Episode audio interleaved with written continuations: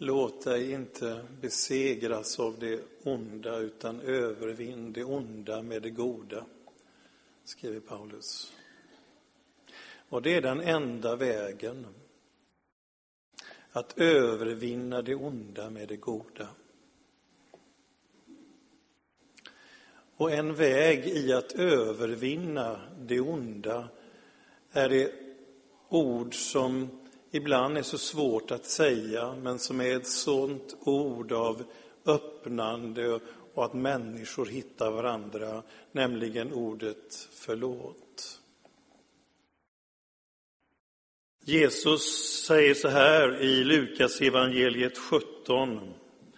Om din broder gör orätt, så tillrättavisa honom, och om han ångrar sig, så förlåt honom även om han gör orätt mot dig sju gånger om dagen och sju gånger kommer tillbaka och säger jag ångrar mig, så skall du förlåta honom. Det kan ju verka lite märkligt om någon kommer sju gånger på en dag. Jag vet inte hur vi skulle tolka det och säger att nu gjorde jag samma grej igen, vill du förlåta mig? Och det Jesus säger det är inte att man ska på något sätt vara blunda för det som har skett som har varit fel. Det är inte det Jesus säger. Utan Jesus poängterar förlåtelsens väg. Att den ska ligga nära till hands i våra liv. Så om någon kommer så ligger det nära till hands att säga förlåt. Jag lyssnade på Frank Mangs en gång när han talade om förlåtelse, den gamla predikanten som är hemma hos Herren. Och han sa det att han hade ett enda nyårslöfte.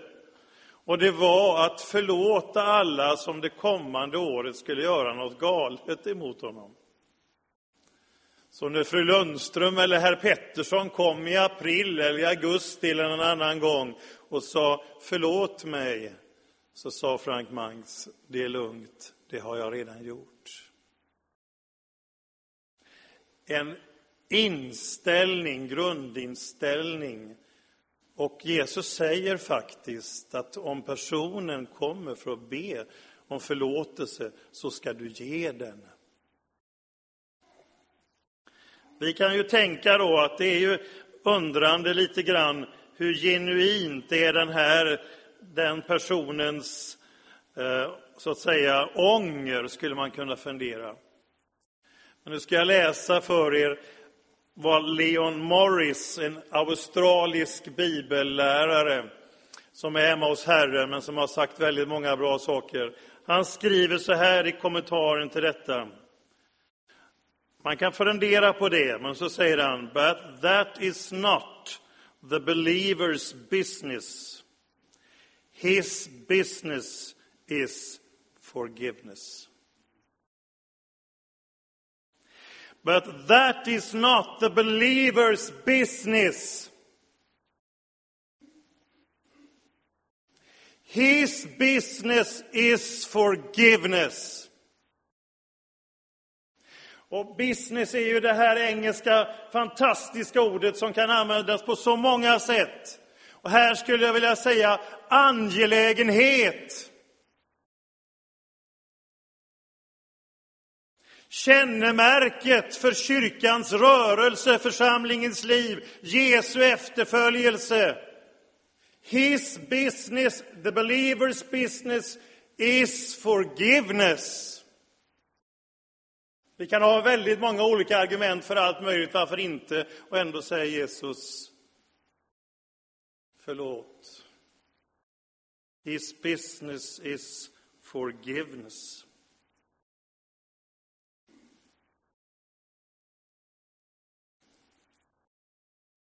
Jag har ju berättat om när jag varit på Madame Tussauds. Jag älskar att åka till London, tycker det är jätteroligt. Härlig stad.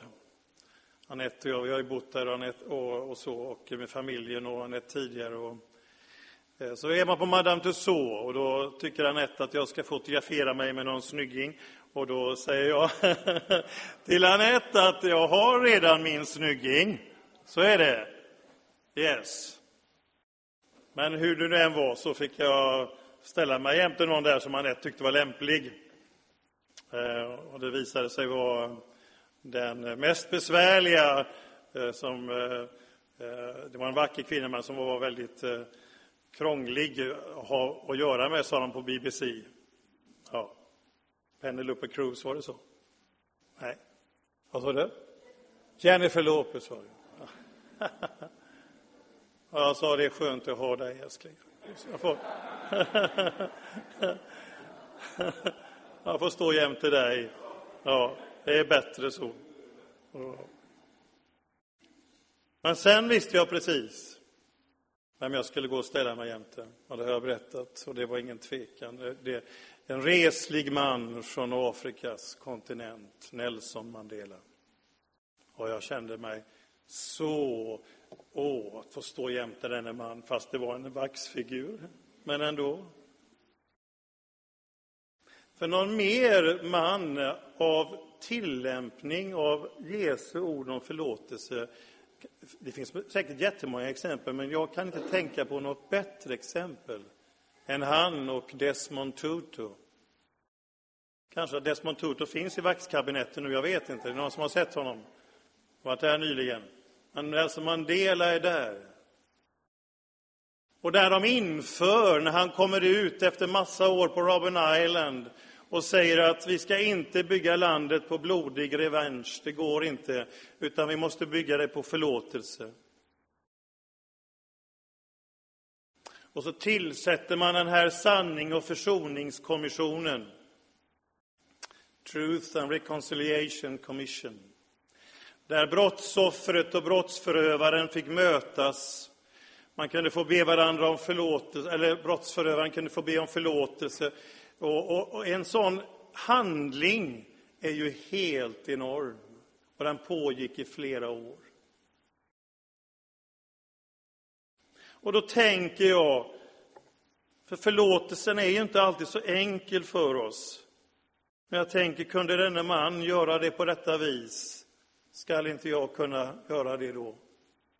I mina ofta futtigheter. Och Desmond Tutu han talar i sin bok om förlåtelse om att vi behöver odla förlåtelsen i våra liv dagligen. Lära oss att förlåta. Han sa att Nelson Mandela var inte sån som han var när han kom ut, när han kom in så att säga i fängelset, utan han var en mycket arg man, skriver Desmond Tutu. Men han fick lära sig varje dag att förlåta övade han på det i fängelset. Under många år till han blev den lysande förebild som i kraft av sitt tålamod lyckades få vårt sargade land att slå in på försoningens och helandets väg, skriver Desmond Tutu. Och när han blev installerad som president, Nelson Mandela, så gjorde han sin fångvaktare till hedersgäst. Då har man nått en väg. Men man övar sig i förlåtelsen, säger Desmond Tutu. Själv tar han exempel från trafiken. Jag vet inte hur ni känner i trafiken. Eh, ibland så får jag be Gud om extra nåd.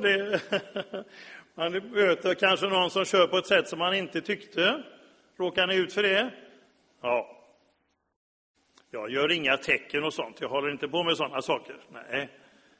Men jag tycker, vad är det för någon... Eh, och så känner jag, han kanske haft en stressad dag, eller hon, och de tänkte sig inte för. Och det här är Desmond Tutus erfarenhet också. Man kan ge förlåtelse. Man vet ju faktiskt inte hur den andra har haft det. Och så säger han, om jag låter förlåtelsen vara min grundinställning istället för att ha irritation som min grundinställning, så kan jag se det som är rätt och riktigt i världen och inte bara haka upp mig på allt som jag kan irritera mig på, utan faktiskt öva mig i förlåtelse. Och jag vill säga, det är den enda vägen.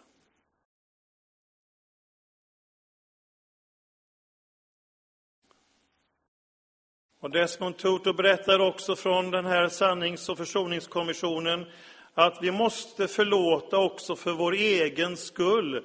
För om vi inte förlåter så fortsätter vi att vara offer för förövaren. Den har fortfarande makt i mitt liv. Men om vi förlåter så befriar vi oss själva till ett nytt liv. Det är ingen enkel resa. Ibland kan vi behöva hjälp och förbön, själavård, men ändå så är det den enda vägen. Därför annars så har den som har gjort oförrätt fortfarande makt i mitt liv. Och jag såg på ett program av Oprah Winfrey där man hjälpte människor som, sa, som har fått uppleva hemska saker. Men de sa så här, och mist någon anhörig som blivit mördad och så, att de orkade inte längre hata den här personen. Jag måste bli fri. Och så fick de leda människorna till hjälp till att kunna förlåta om inte för annat sätt för sitt eget livs skull. För jag måste till slut välja, ska jag leva i bitterhet och hat och, oförsonlighet eller vill jag med Guds nåd och hjälp välja förlåtelsens väg som ger frihet? Paulus säger faktiskt att han är ställd i försoningens tjänst. Och Jesus säger i bergspredikan att om du har något otalt med din broder eller syster så skynda dig och kom till rätta med det medan ni ännu är på väg tillsammans och kom sedan med din gåva till altaret. Skynda er, ta initiativ, vänta inte till dödsbädden det är så mycket surt och annat som kan ha hängt med som man skulle ha behövt lasta av sig långt tidigare. Vänta inte till dödsbädden.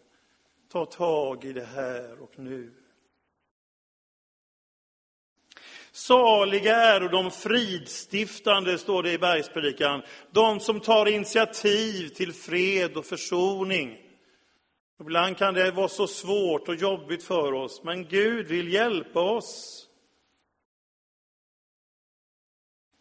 Paulus skriver att håll fred med alla så långt det på er beror. Så kan det ju vara att inte vi når fram, men att det inte ska hänga på mig, att jag inte ska vara den som är så att säga hindret, utan vill möta, komma till mötes. Så här skriver Desmond Tutu. När du börjar försöka förändra världen ter sig uppgiften oöverstiglig, men alla människor kan göra något litet som leder till förändring. Vi förändrar världen när vi väljer att bygga upp en förlåtelsens värld i våra egna hjärtan och tankar. Det ligger i vår natur att vi vill förlåta, försonas och lappa ihop våra relationer. En hand som sträcks ut för att förlåta är alltid en hand som arbetar på att skapa fred i världen. Och så ser vi på korset, för det är grunden i den kristna förlåtelsen, vad Kristus har gjort för dig och mig.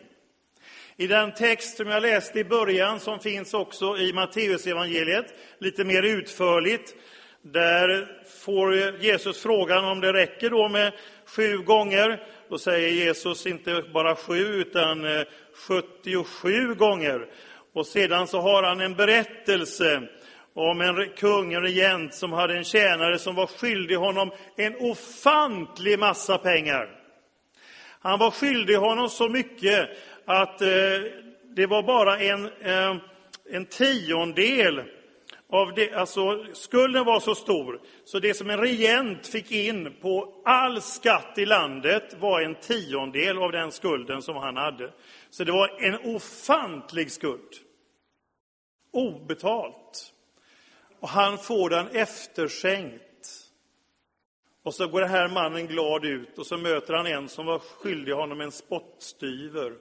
Och han kräver ut allt och visar ingen barmhärtighet. Men Jesus vill visa på att om vi ser vad vi har fått förlåtet, då kan vi också förlåta. Vi ber det Fader vår. Jag vet inte alltid om vi tänker på hur radikal den bönen är. Förlåt oss våra skulder så som och vi förlåta dem oss skyldiga äro. Det är en enorm bön. Och den kan jag inte klara kanske av i min egen kraft, men jag kan gå till Gud, precis som vi sjöng i psalm 40, att han vill hjälpa oss och befria oss till förlåtelsen och försoningens väg. Our business is forgiveness.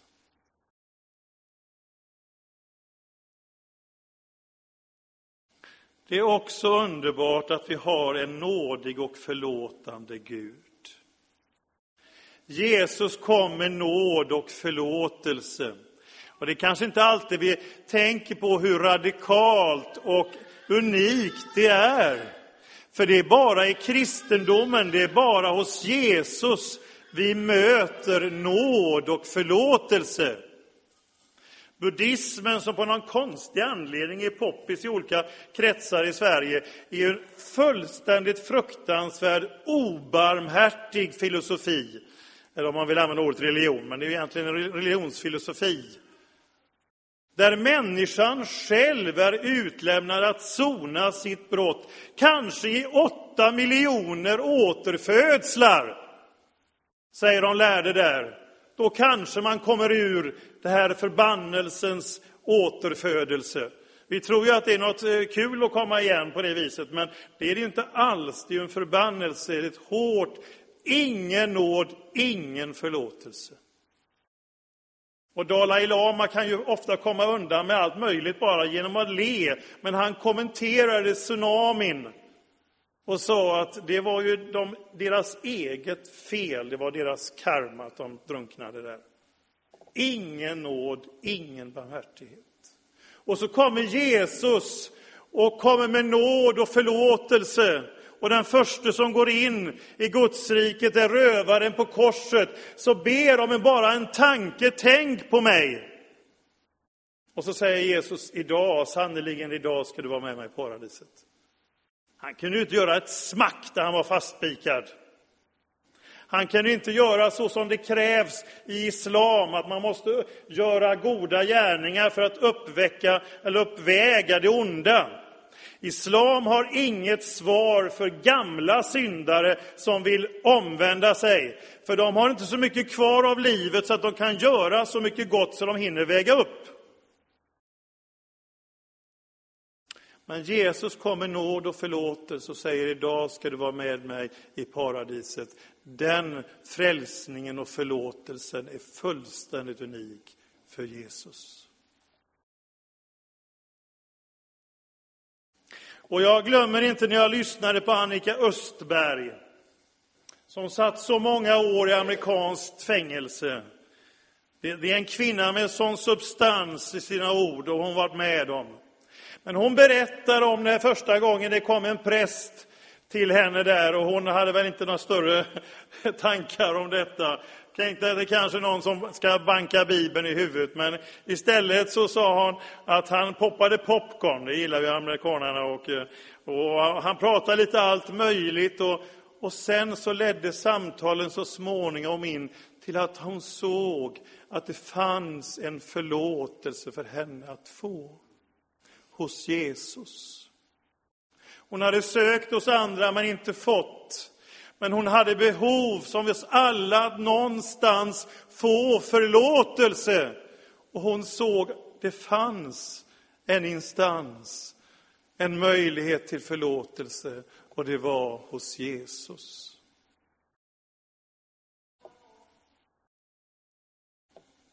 Och Hebreerbrevets författare skriver så här. Vi har inte en överste präst som är oförmögen att känna med oss i våra svagheter, utan en som prövats på alla sätt och varit som vi, men utan synd. Låt oss därför frimodigt träda fram till nådens tron för att få förbarmande och nåd i den stund då vi behöver hjälp. Den fick Annika Östberg uppleva. Det fanns någon som kunde förlåta. Den får du och jag också uppleva, att vi får komma till en förlåtande Gud som älskar oss och vill oss väl.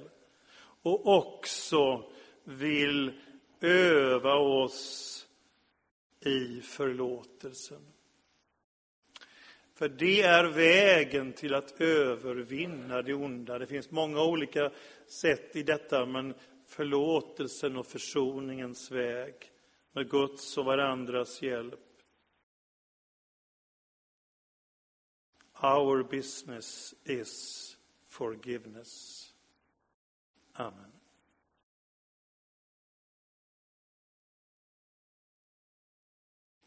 Herre, jag ber dig för mitt eget liv, för allas våra liv, att vi vill vandra på förlåtelsens och försoningens väg. Herre, det finns så mycket som har kunnat gjort oss och har gjort oss illa i vår livsvandring och vi har gjort människor ledsna och besvikna och kanske illa, Herre.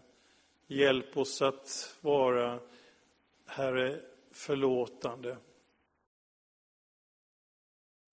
Att ge och att ta emot. Att vandra förlåtelsens väg och övervinna det onda med det goda. Jag ber så i Jesu namn. Amen.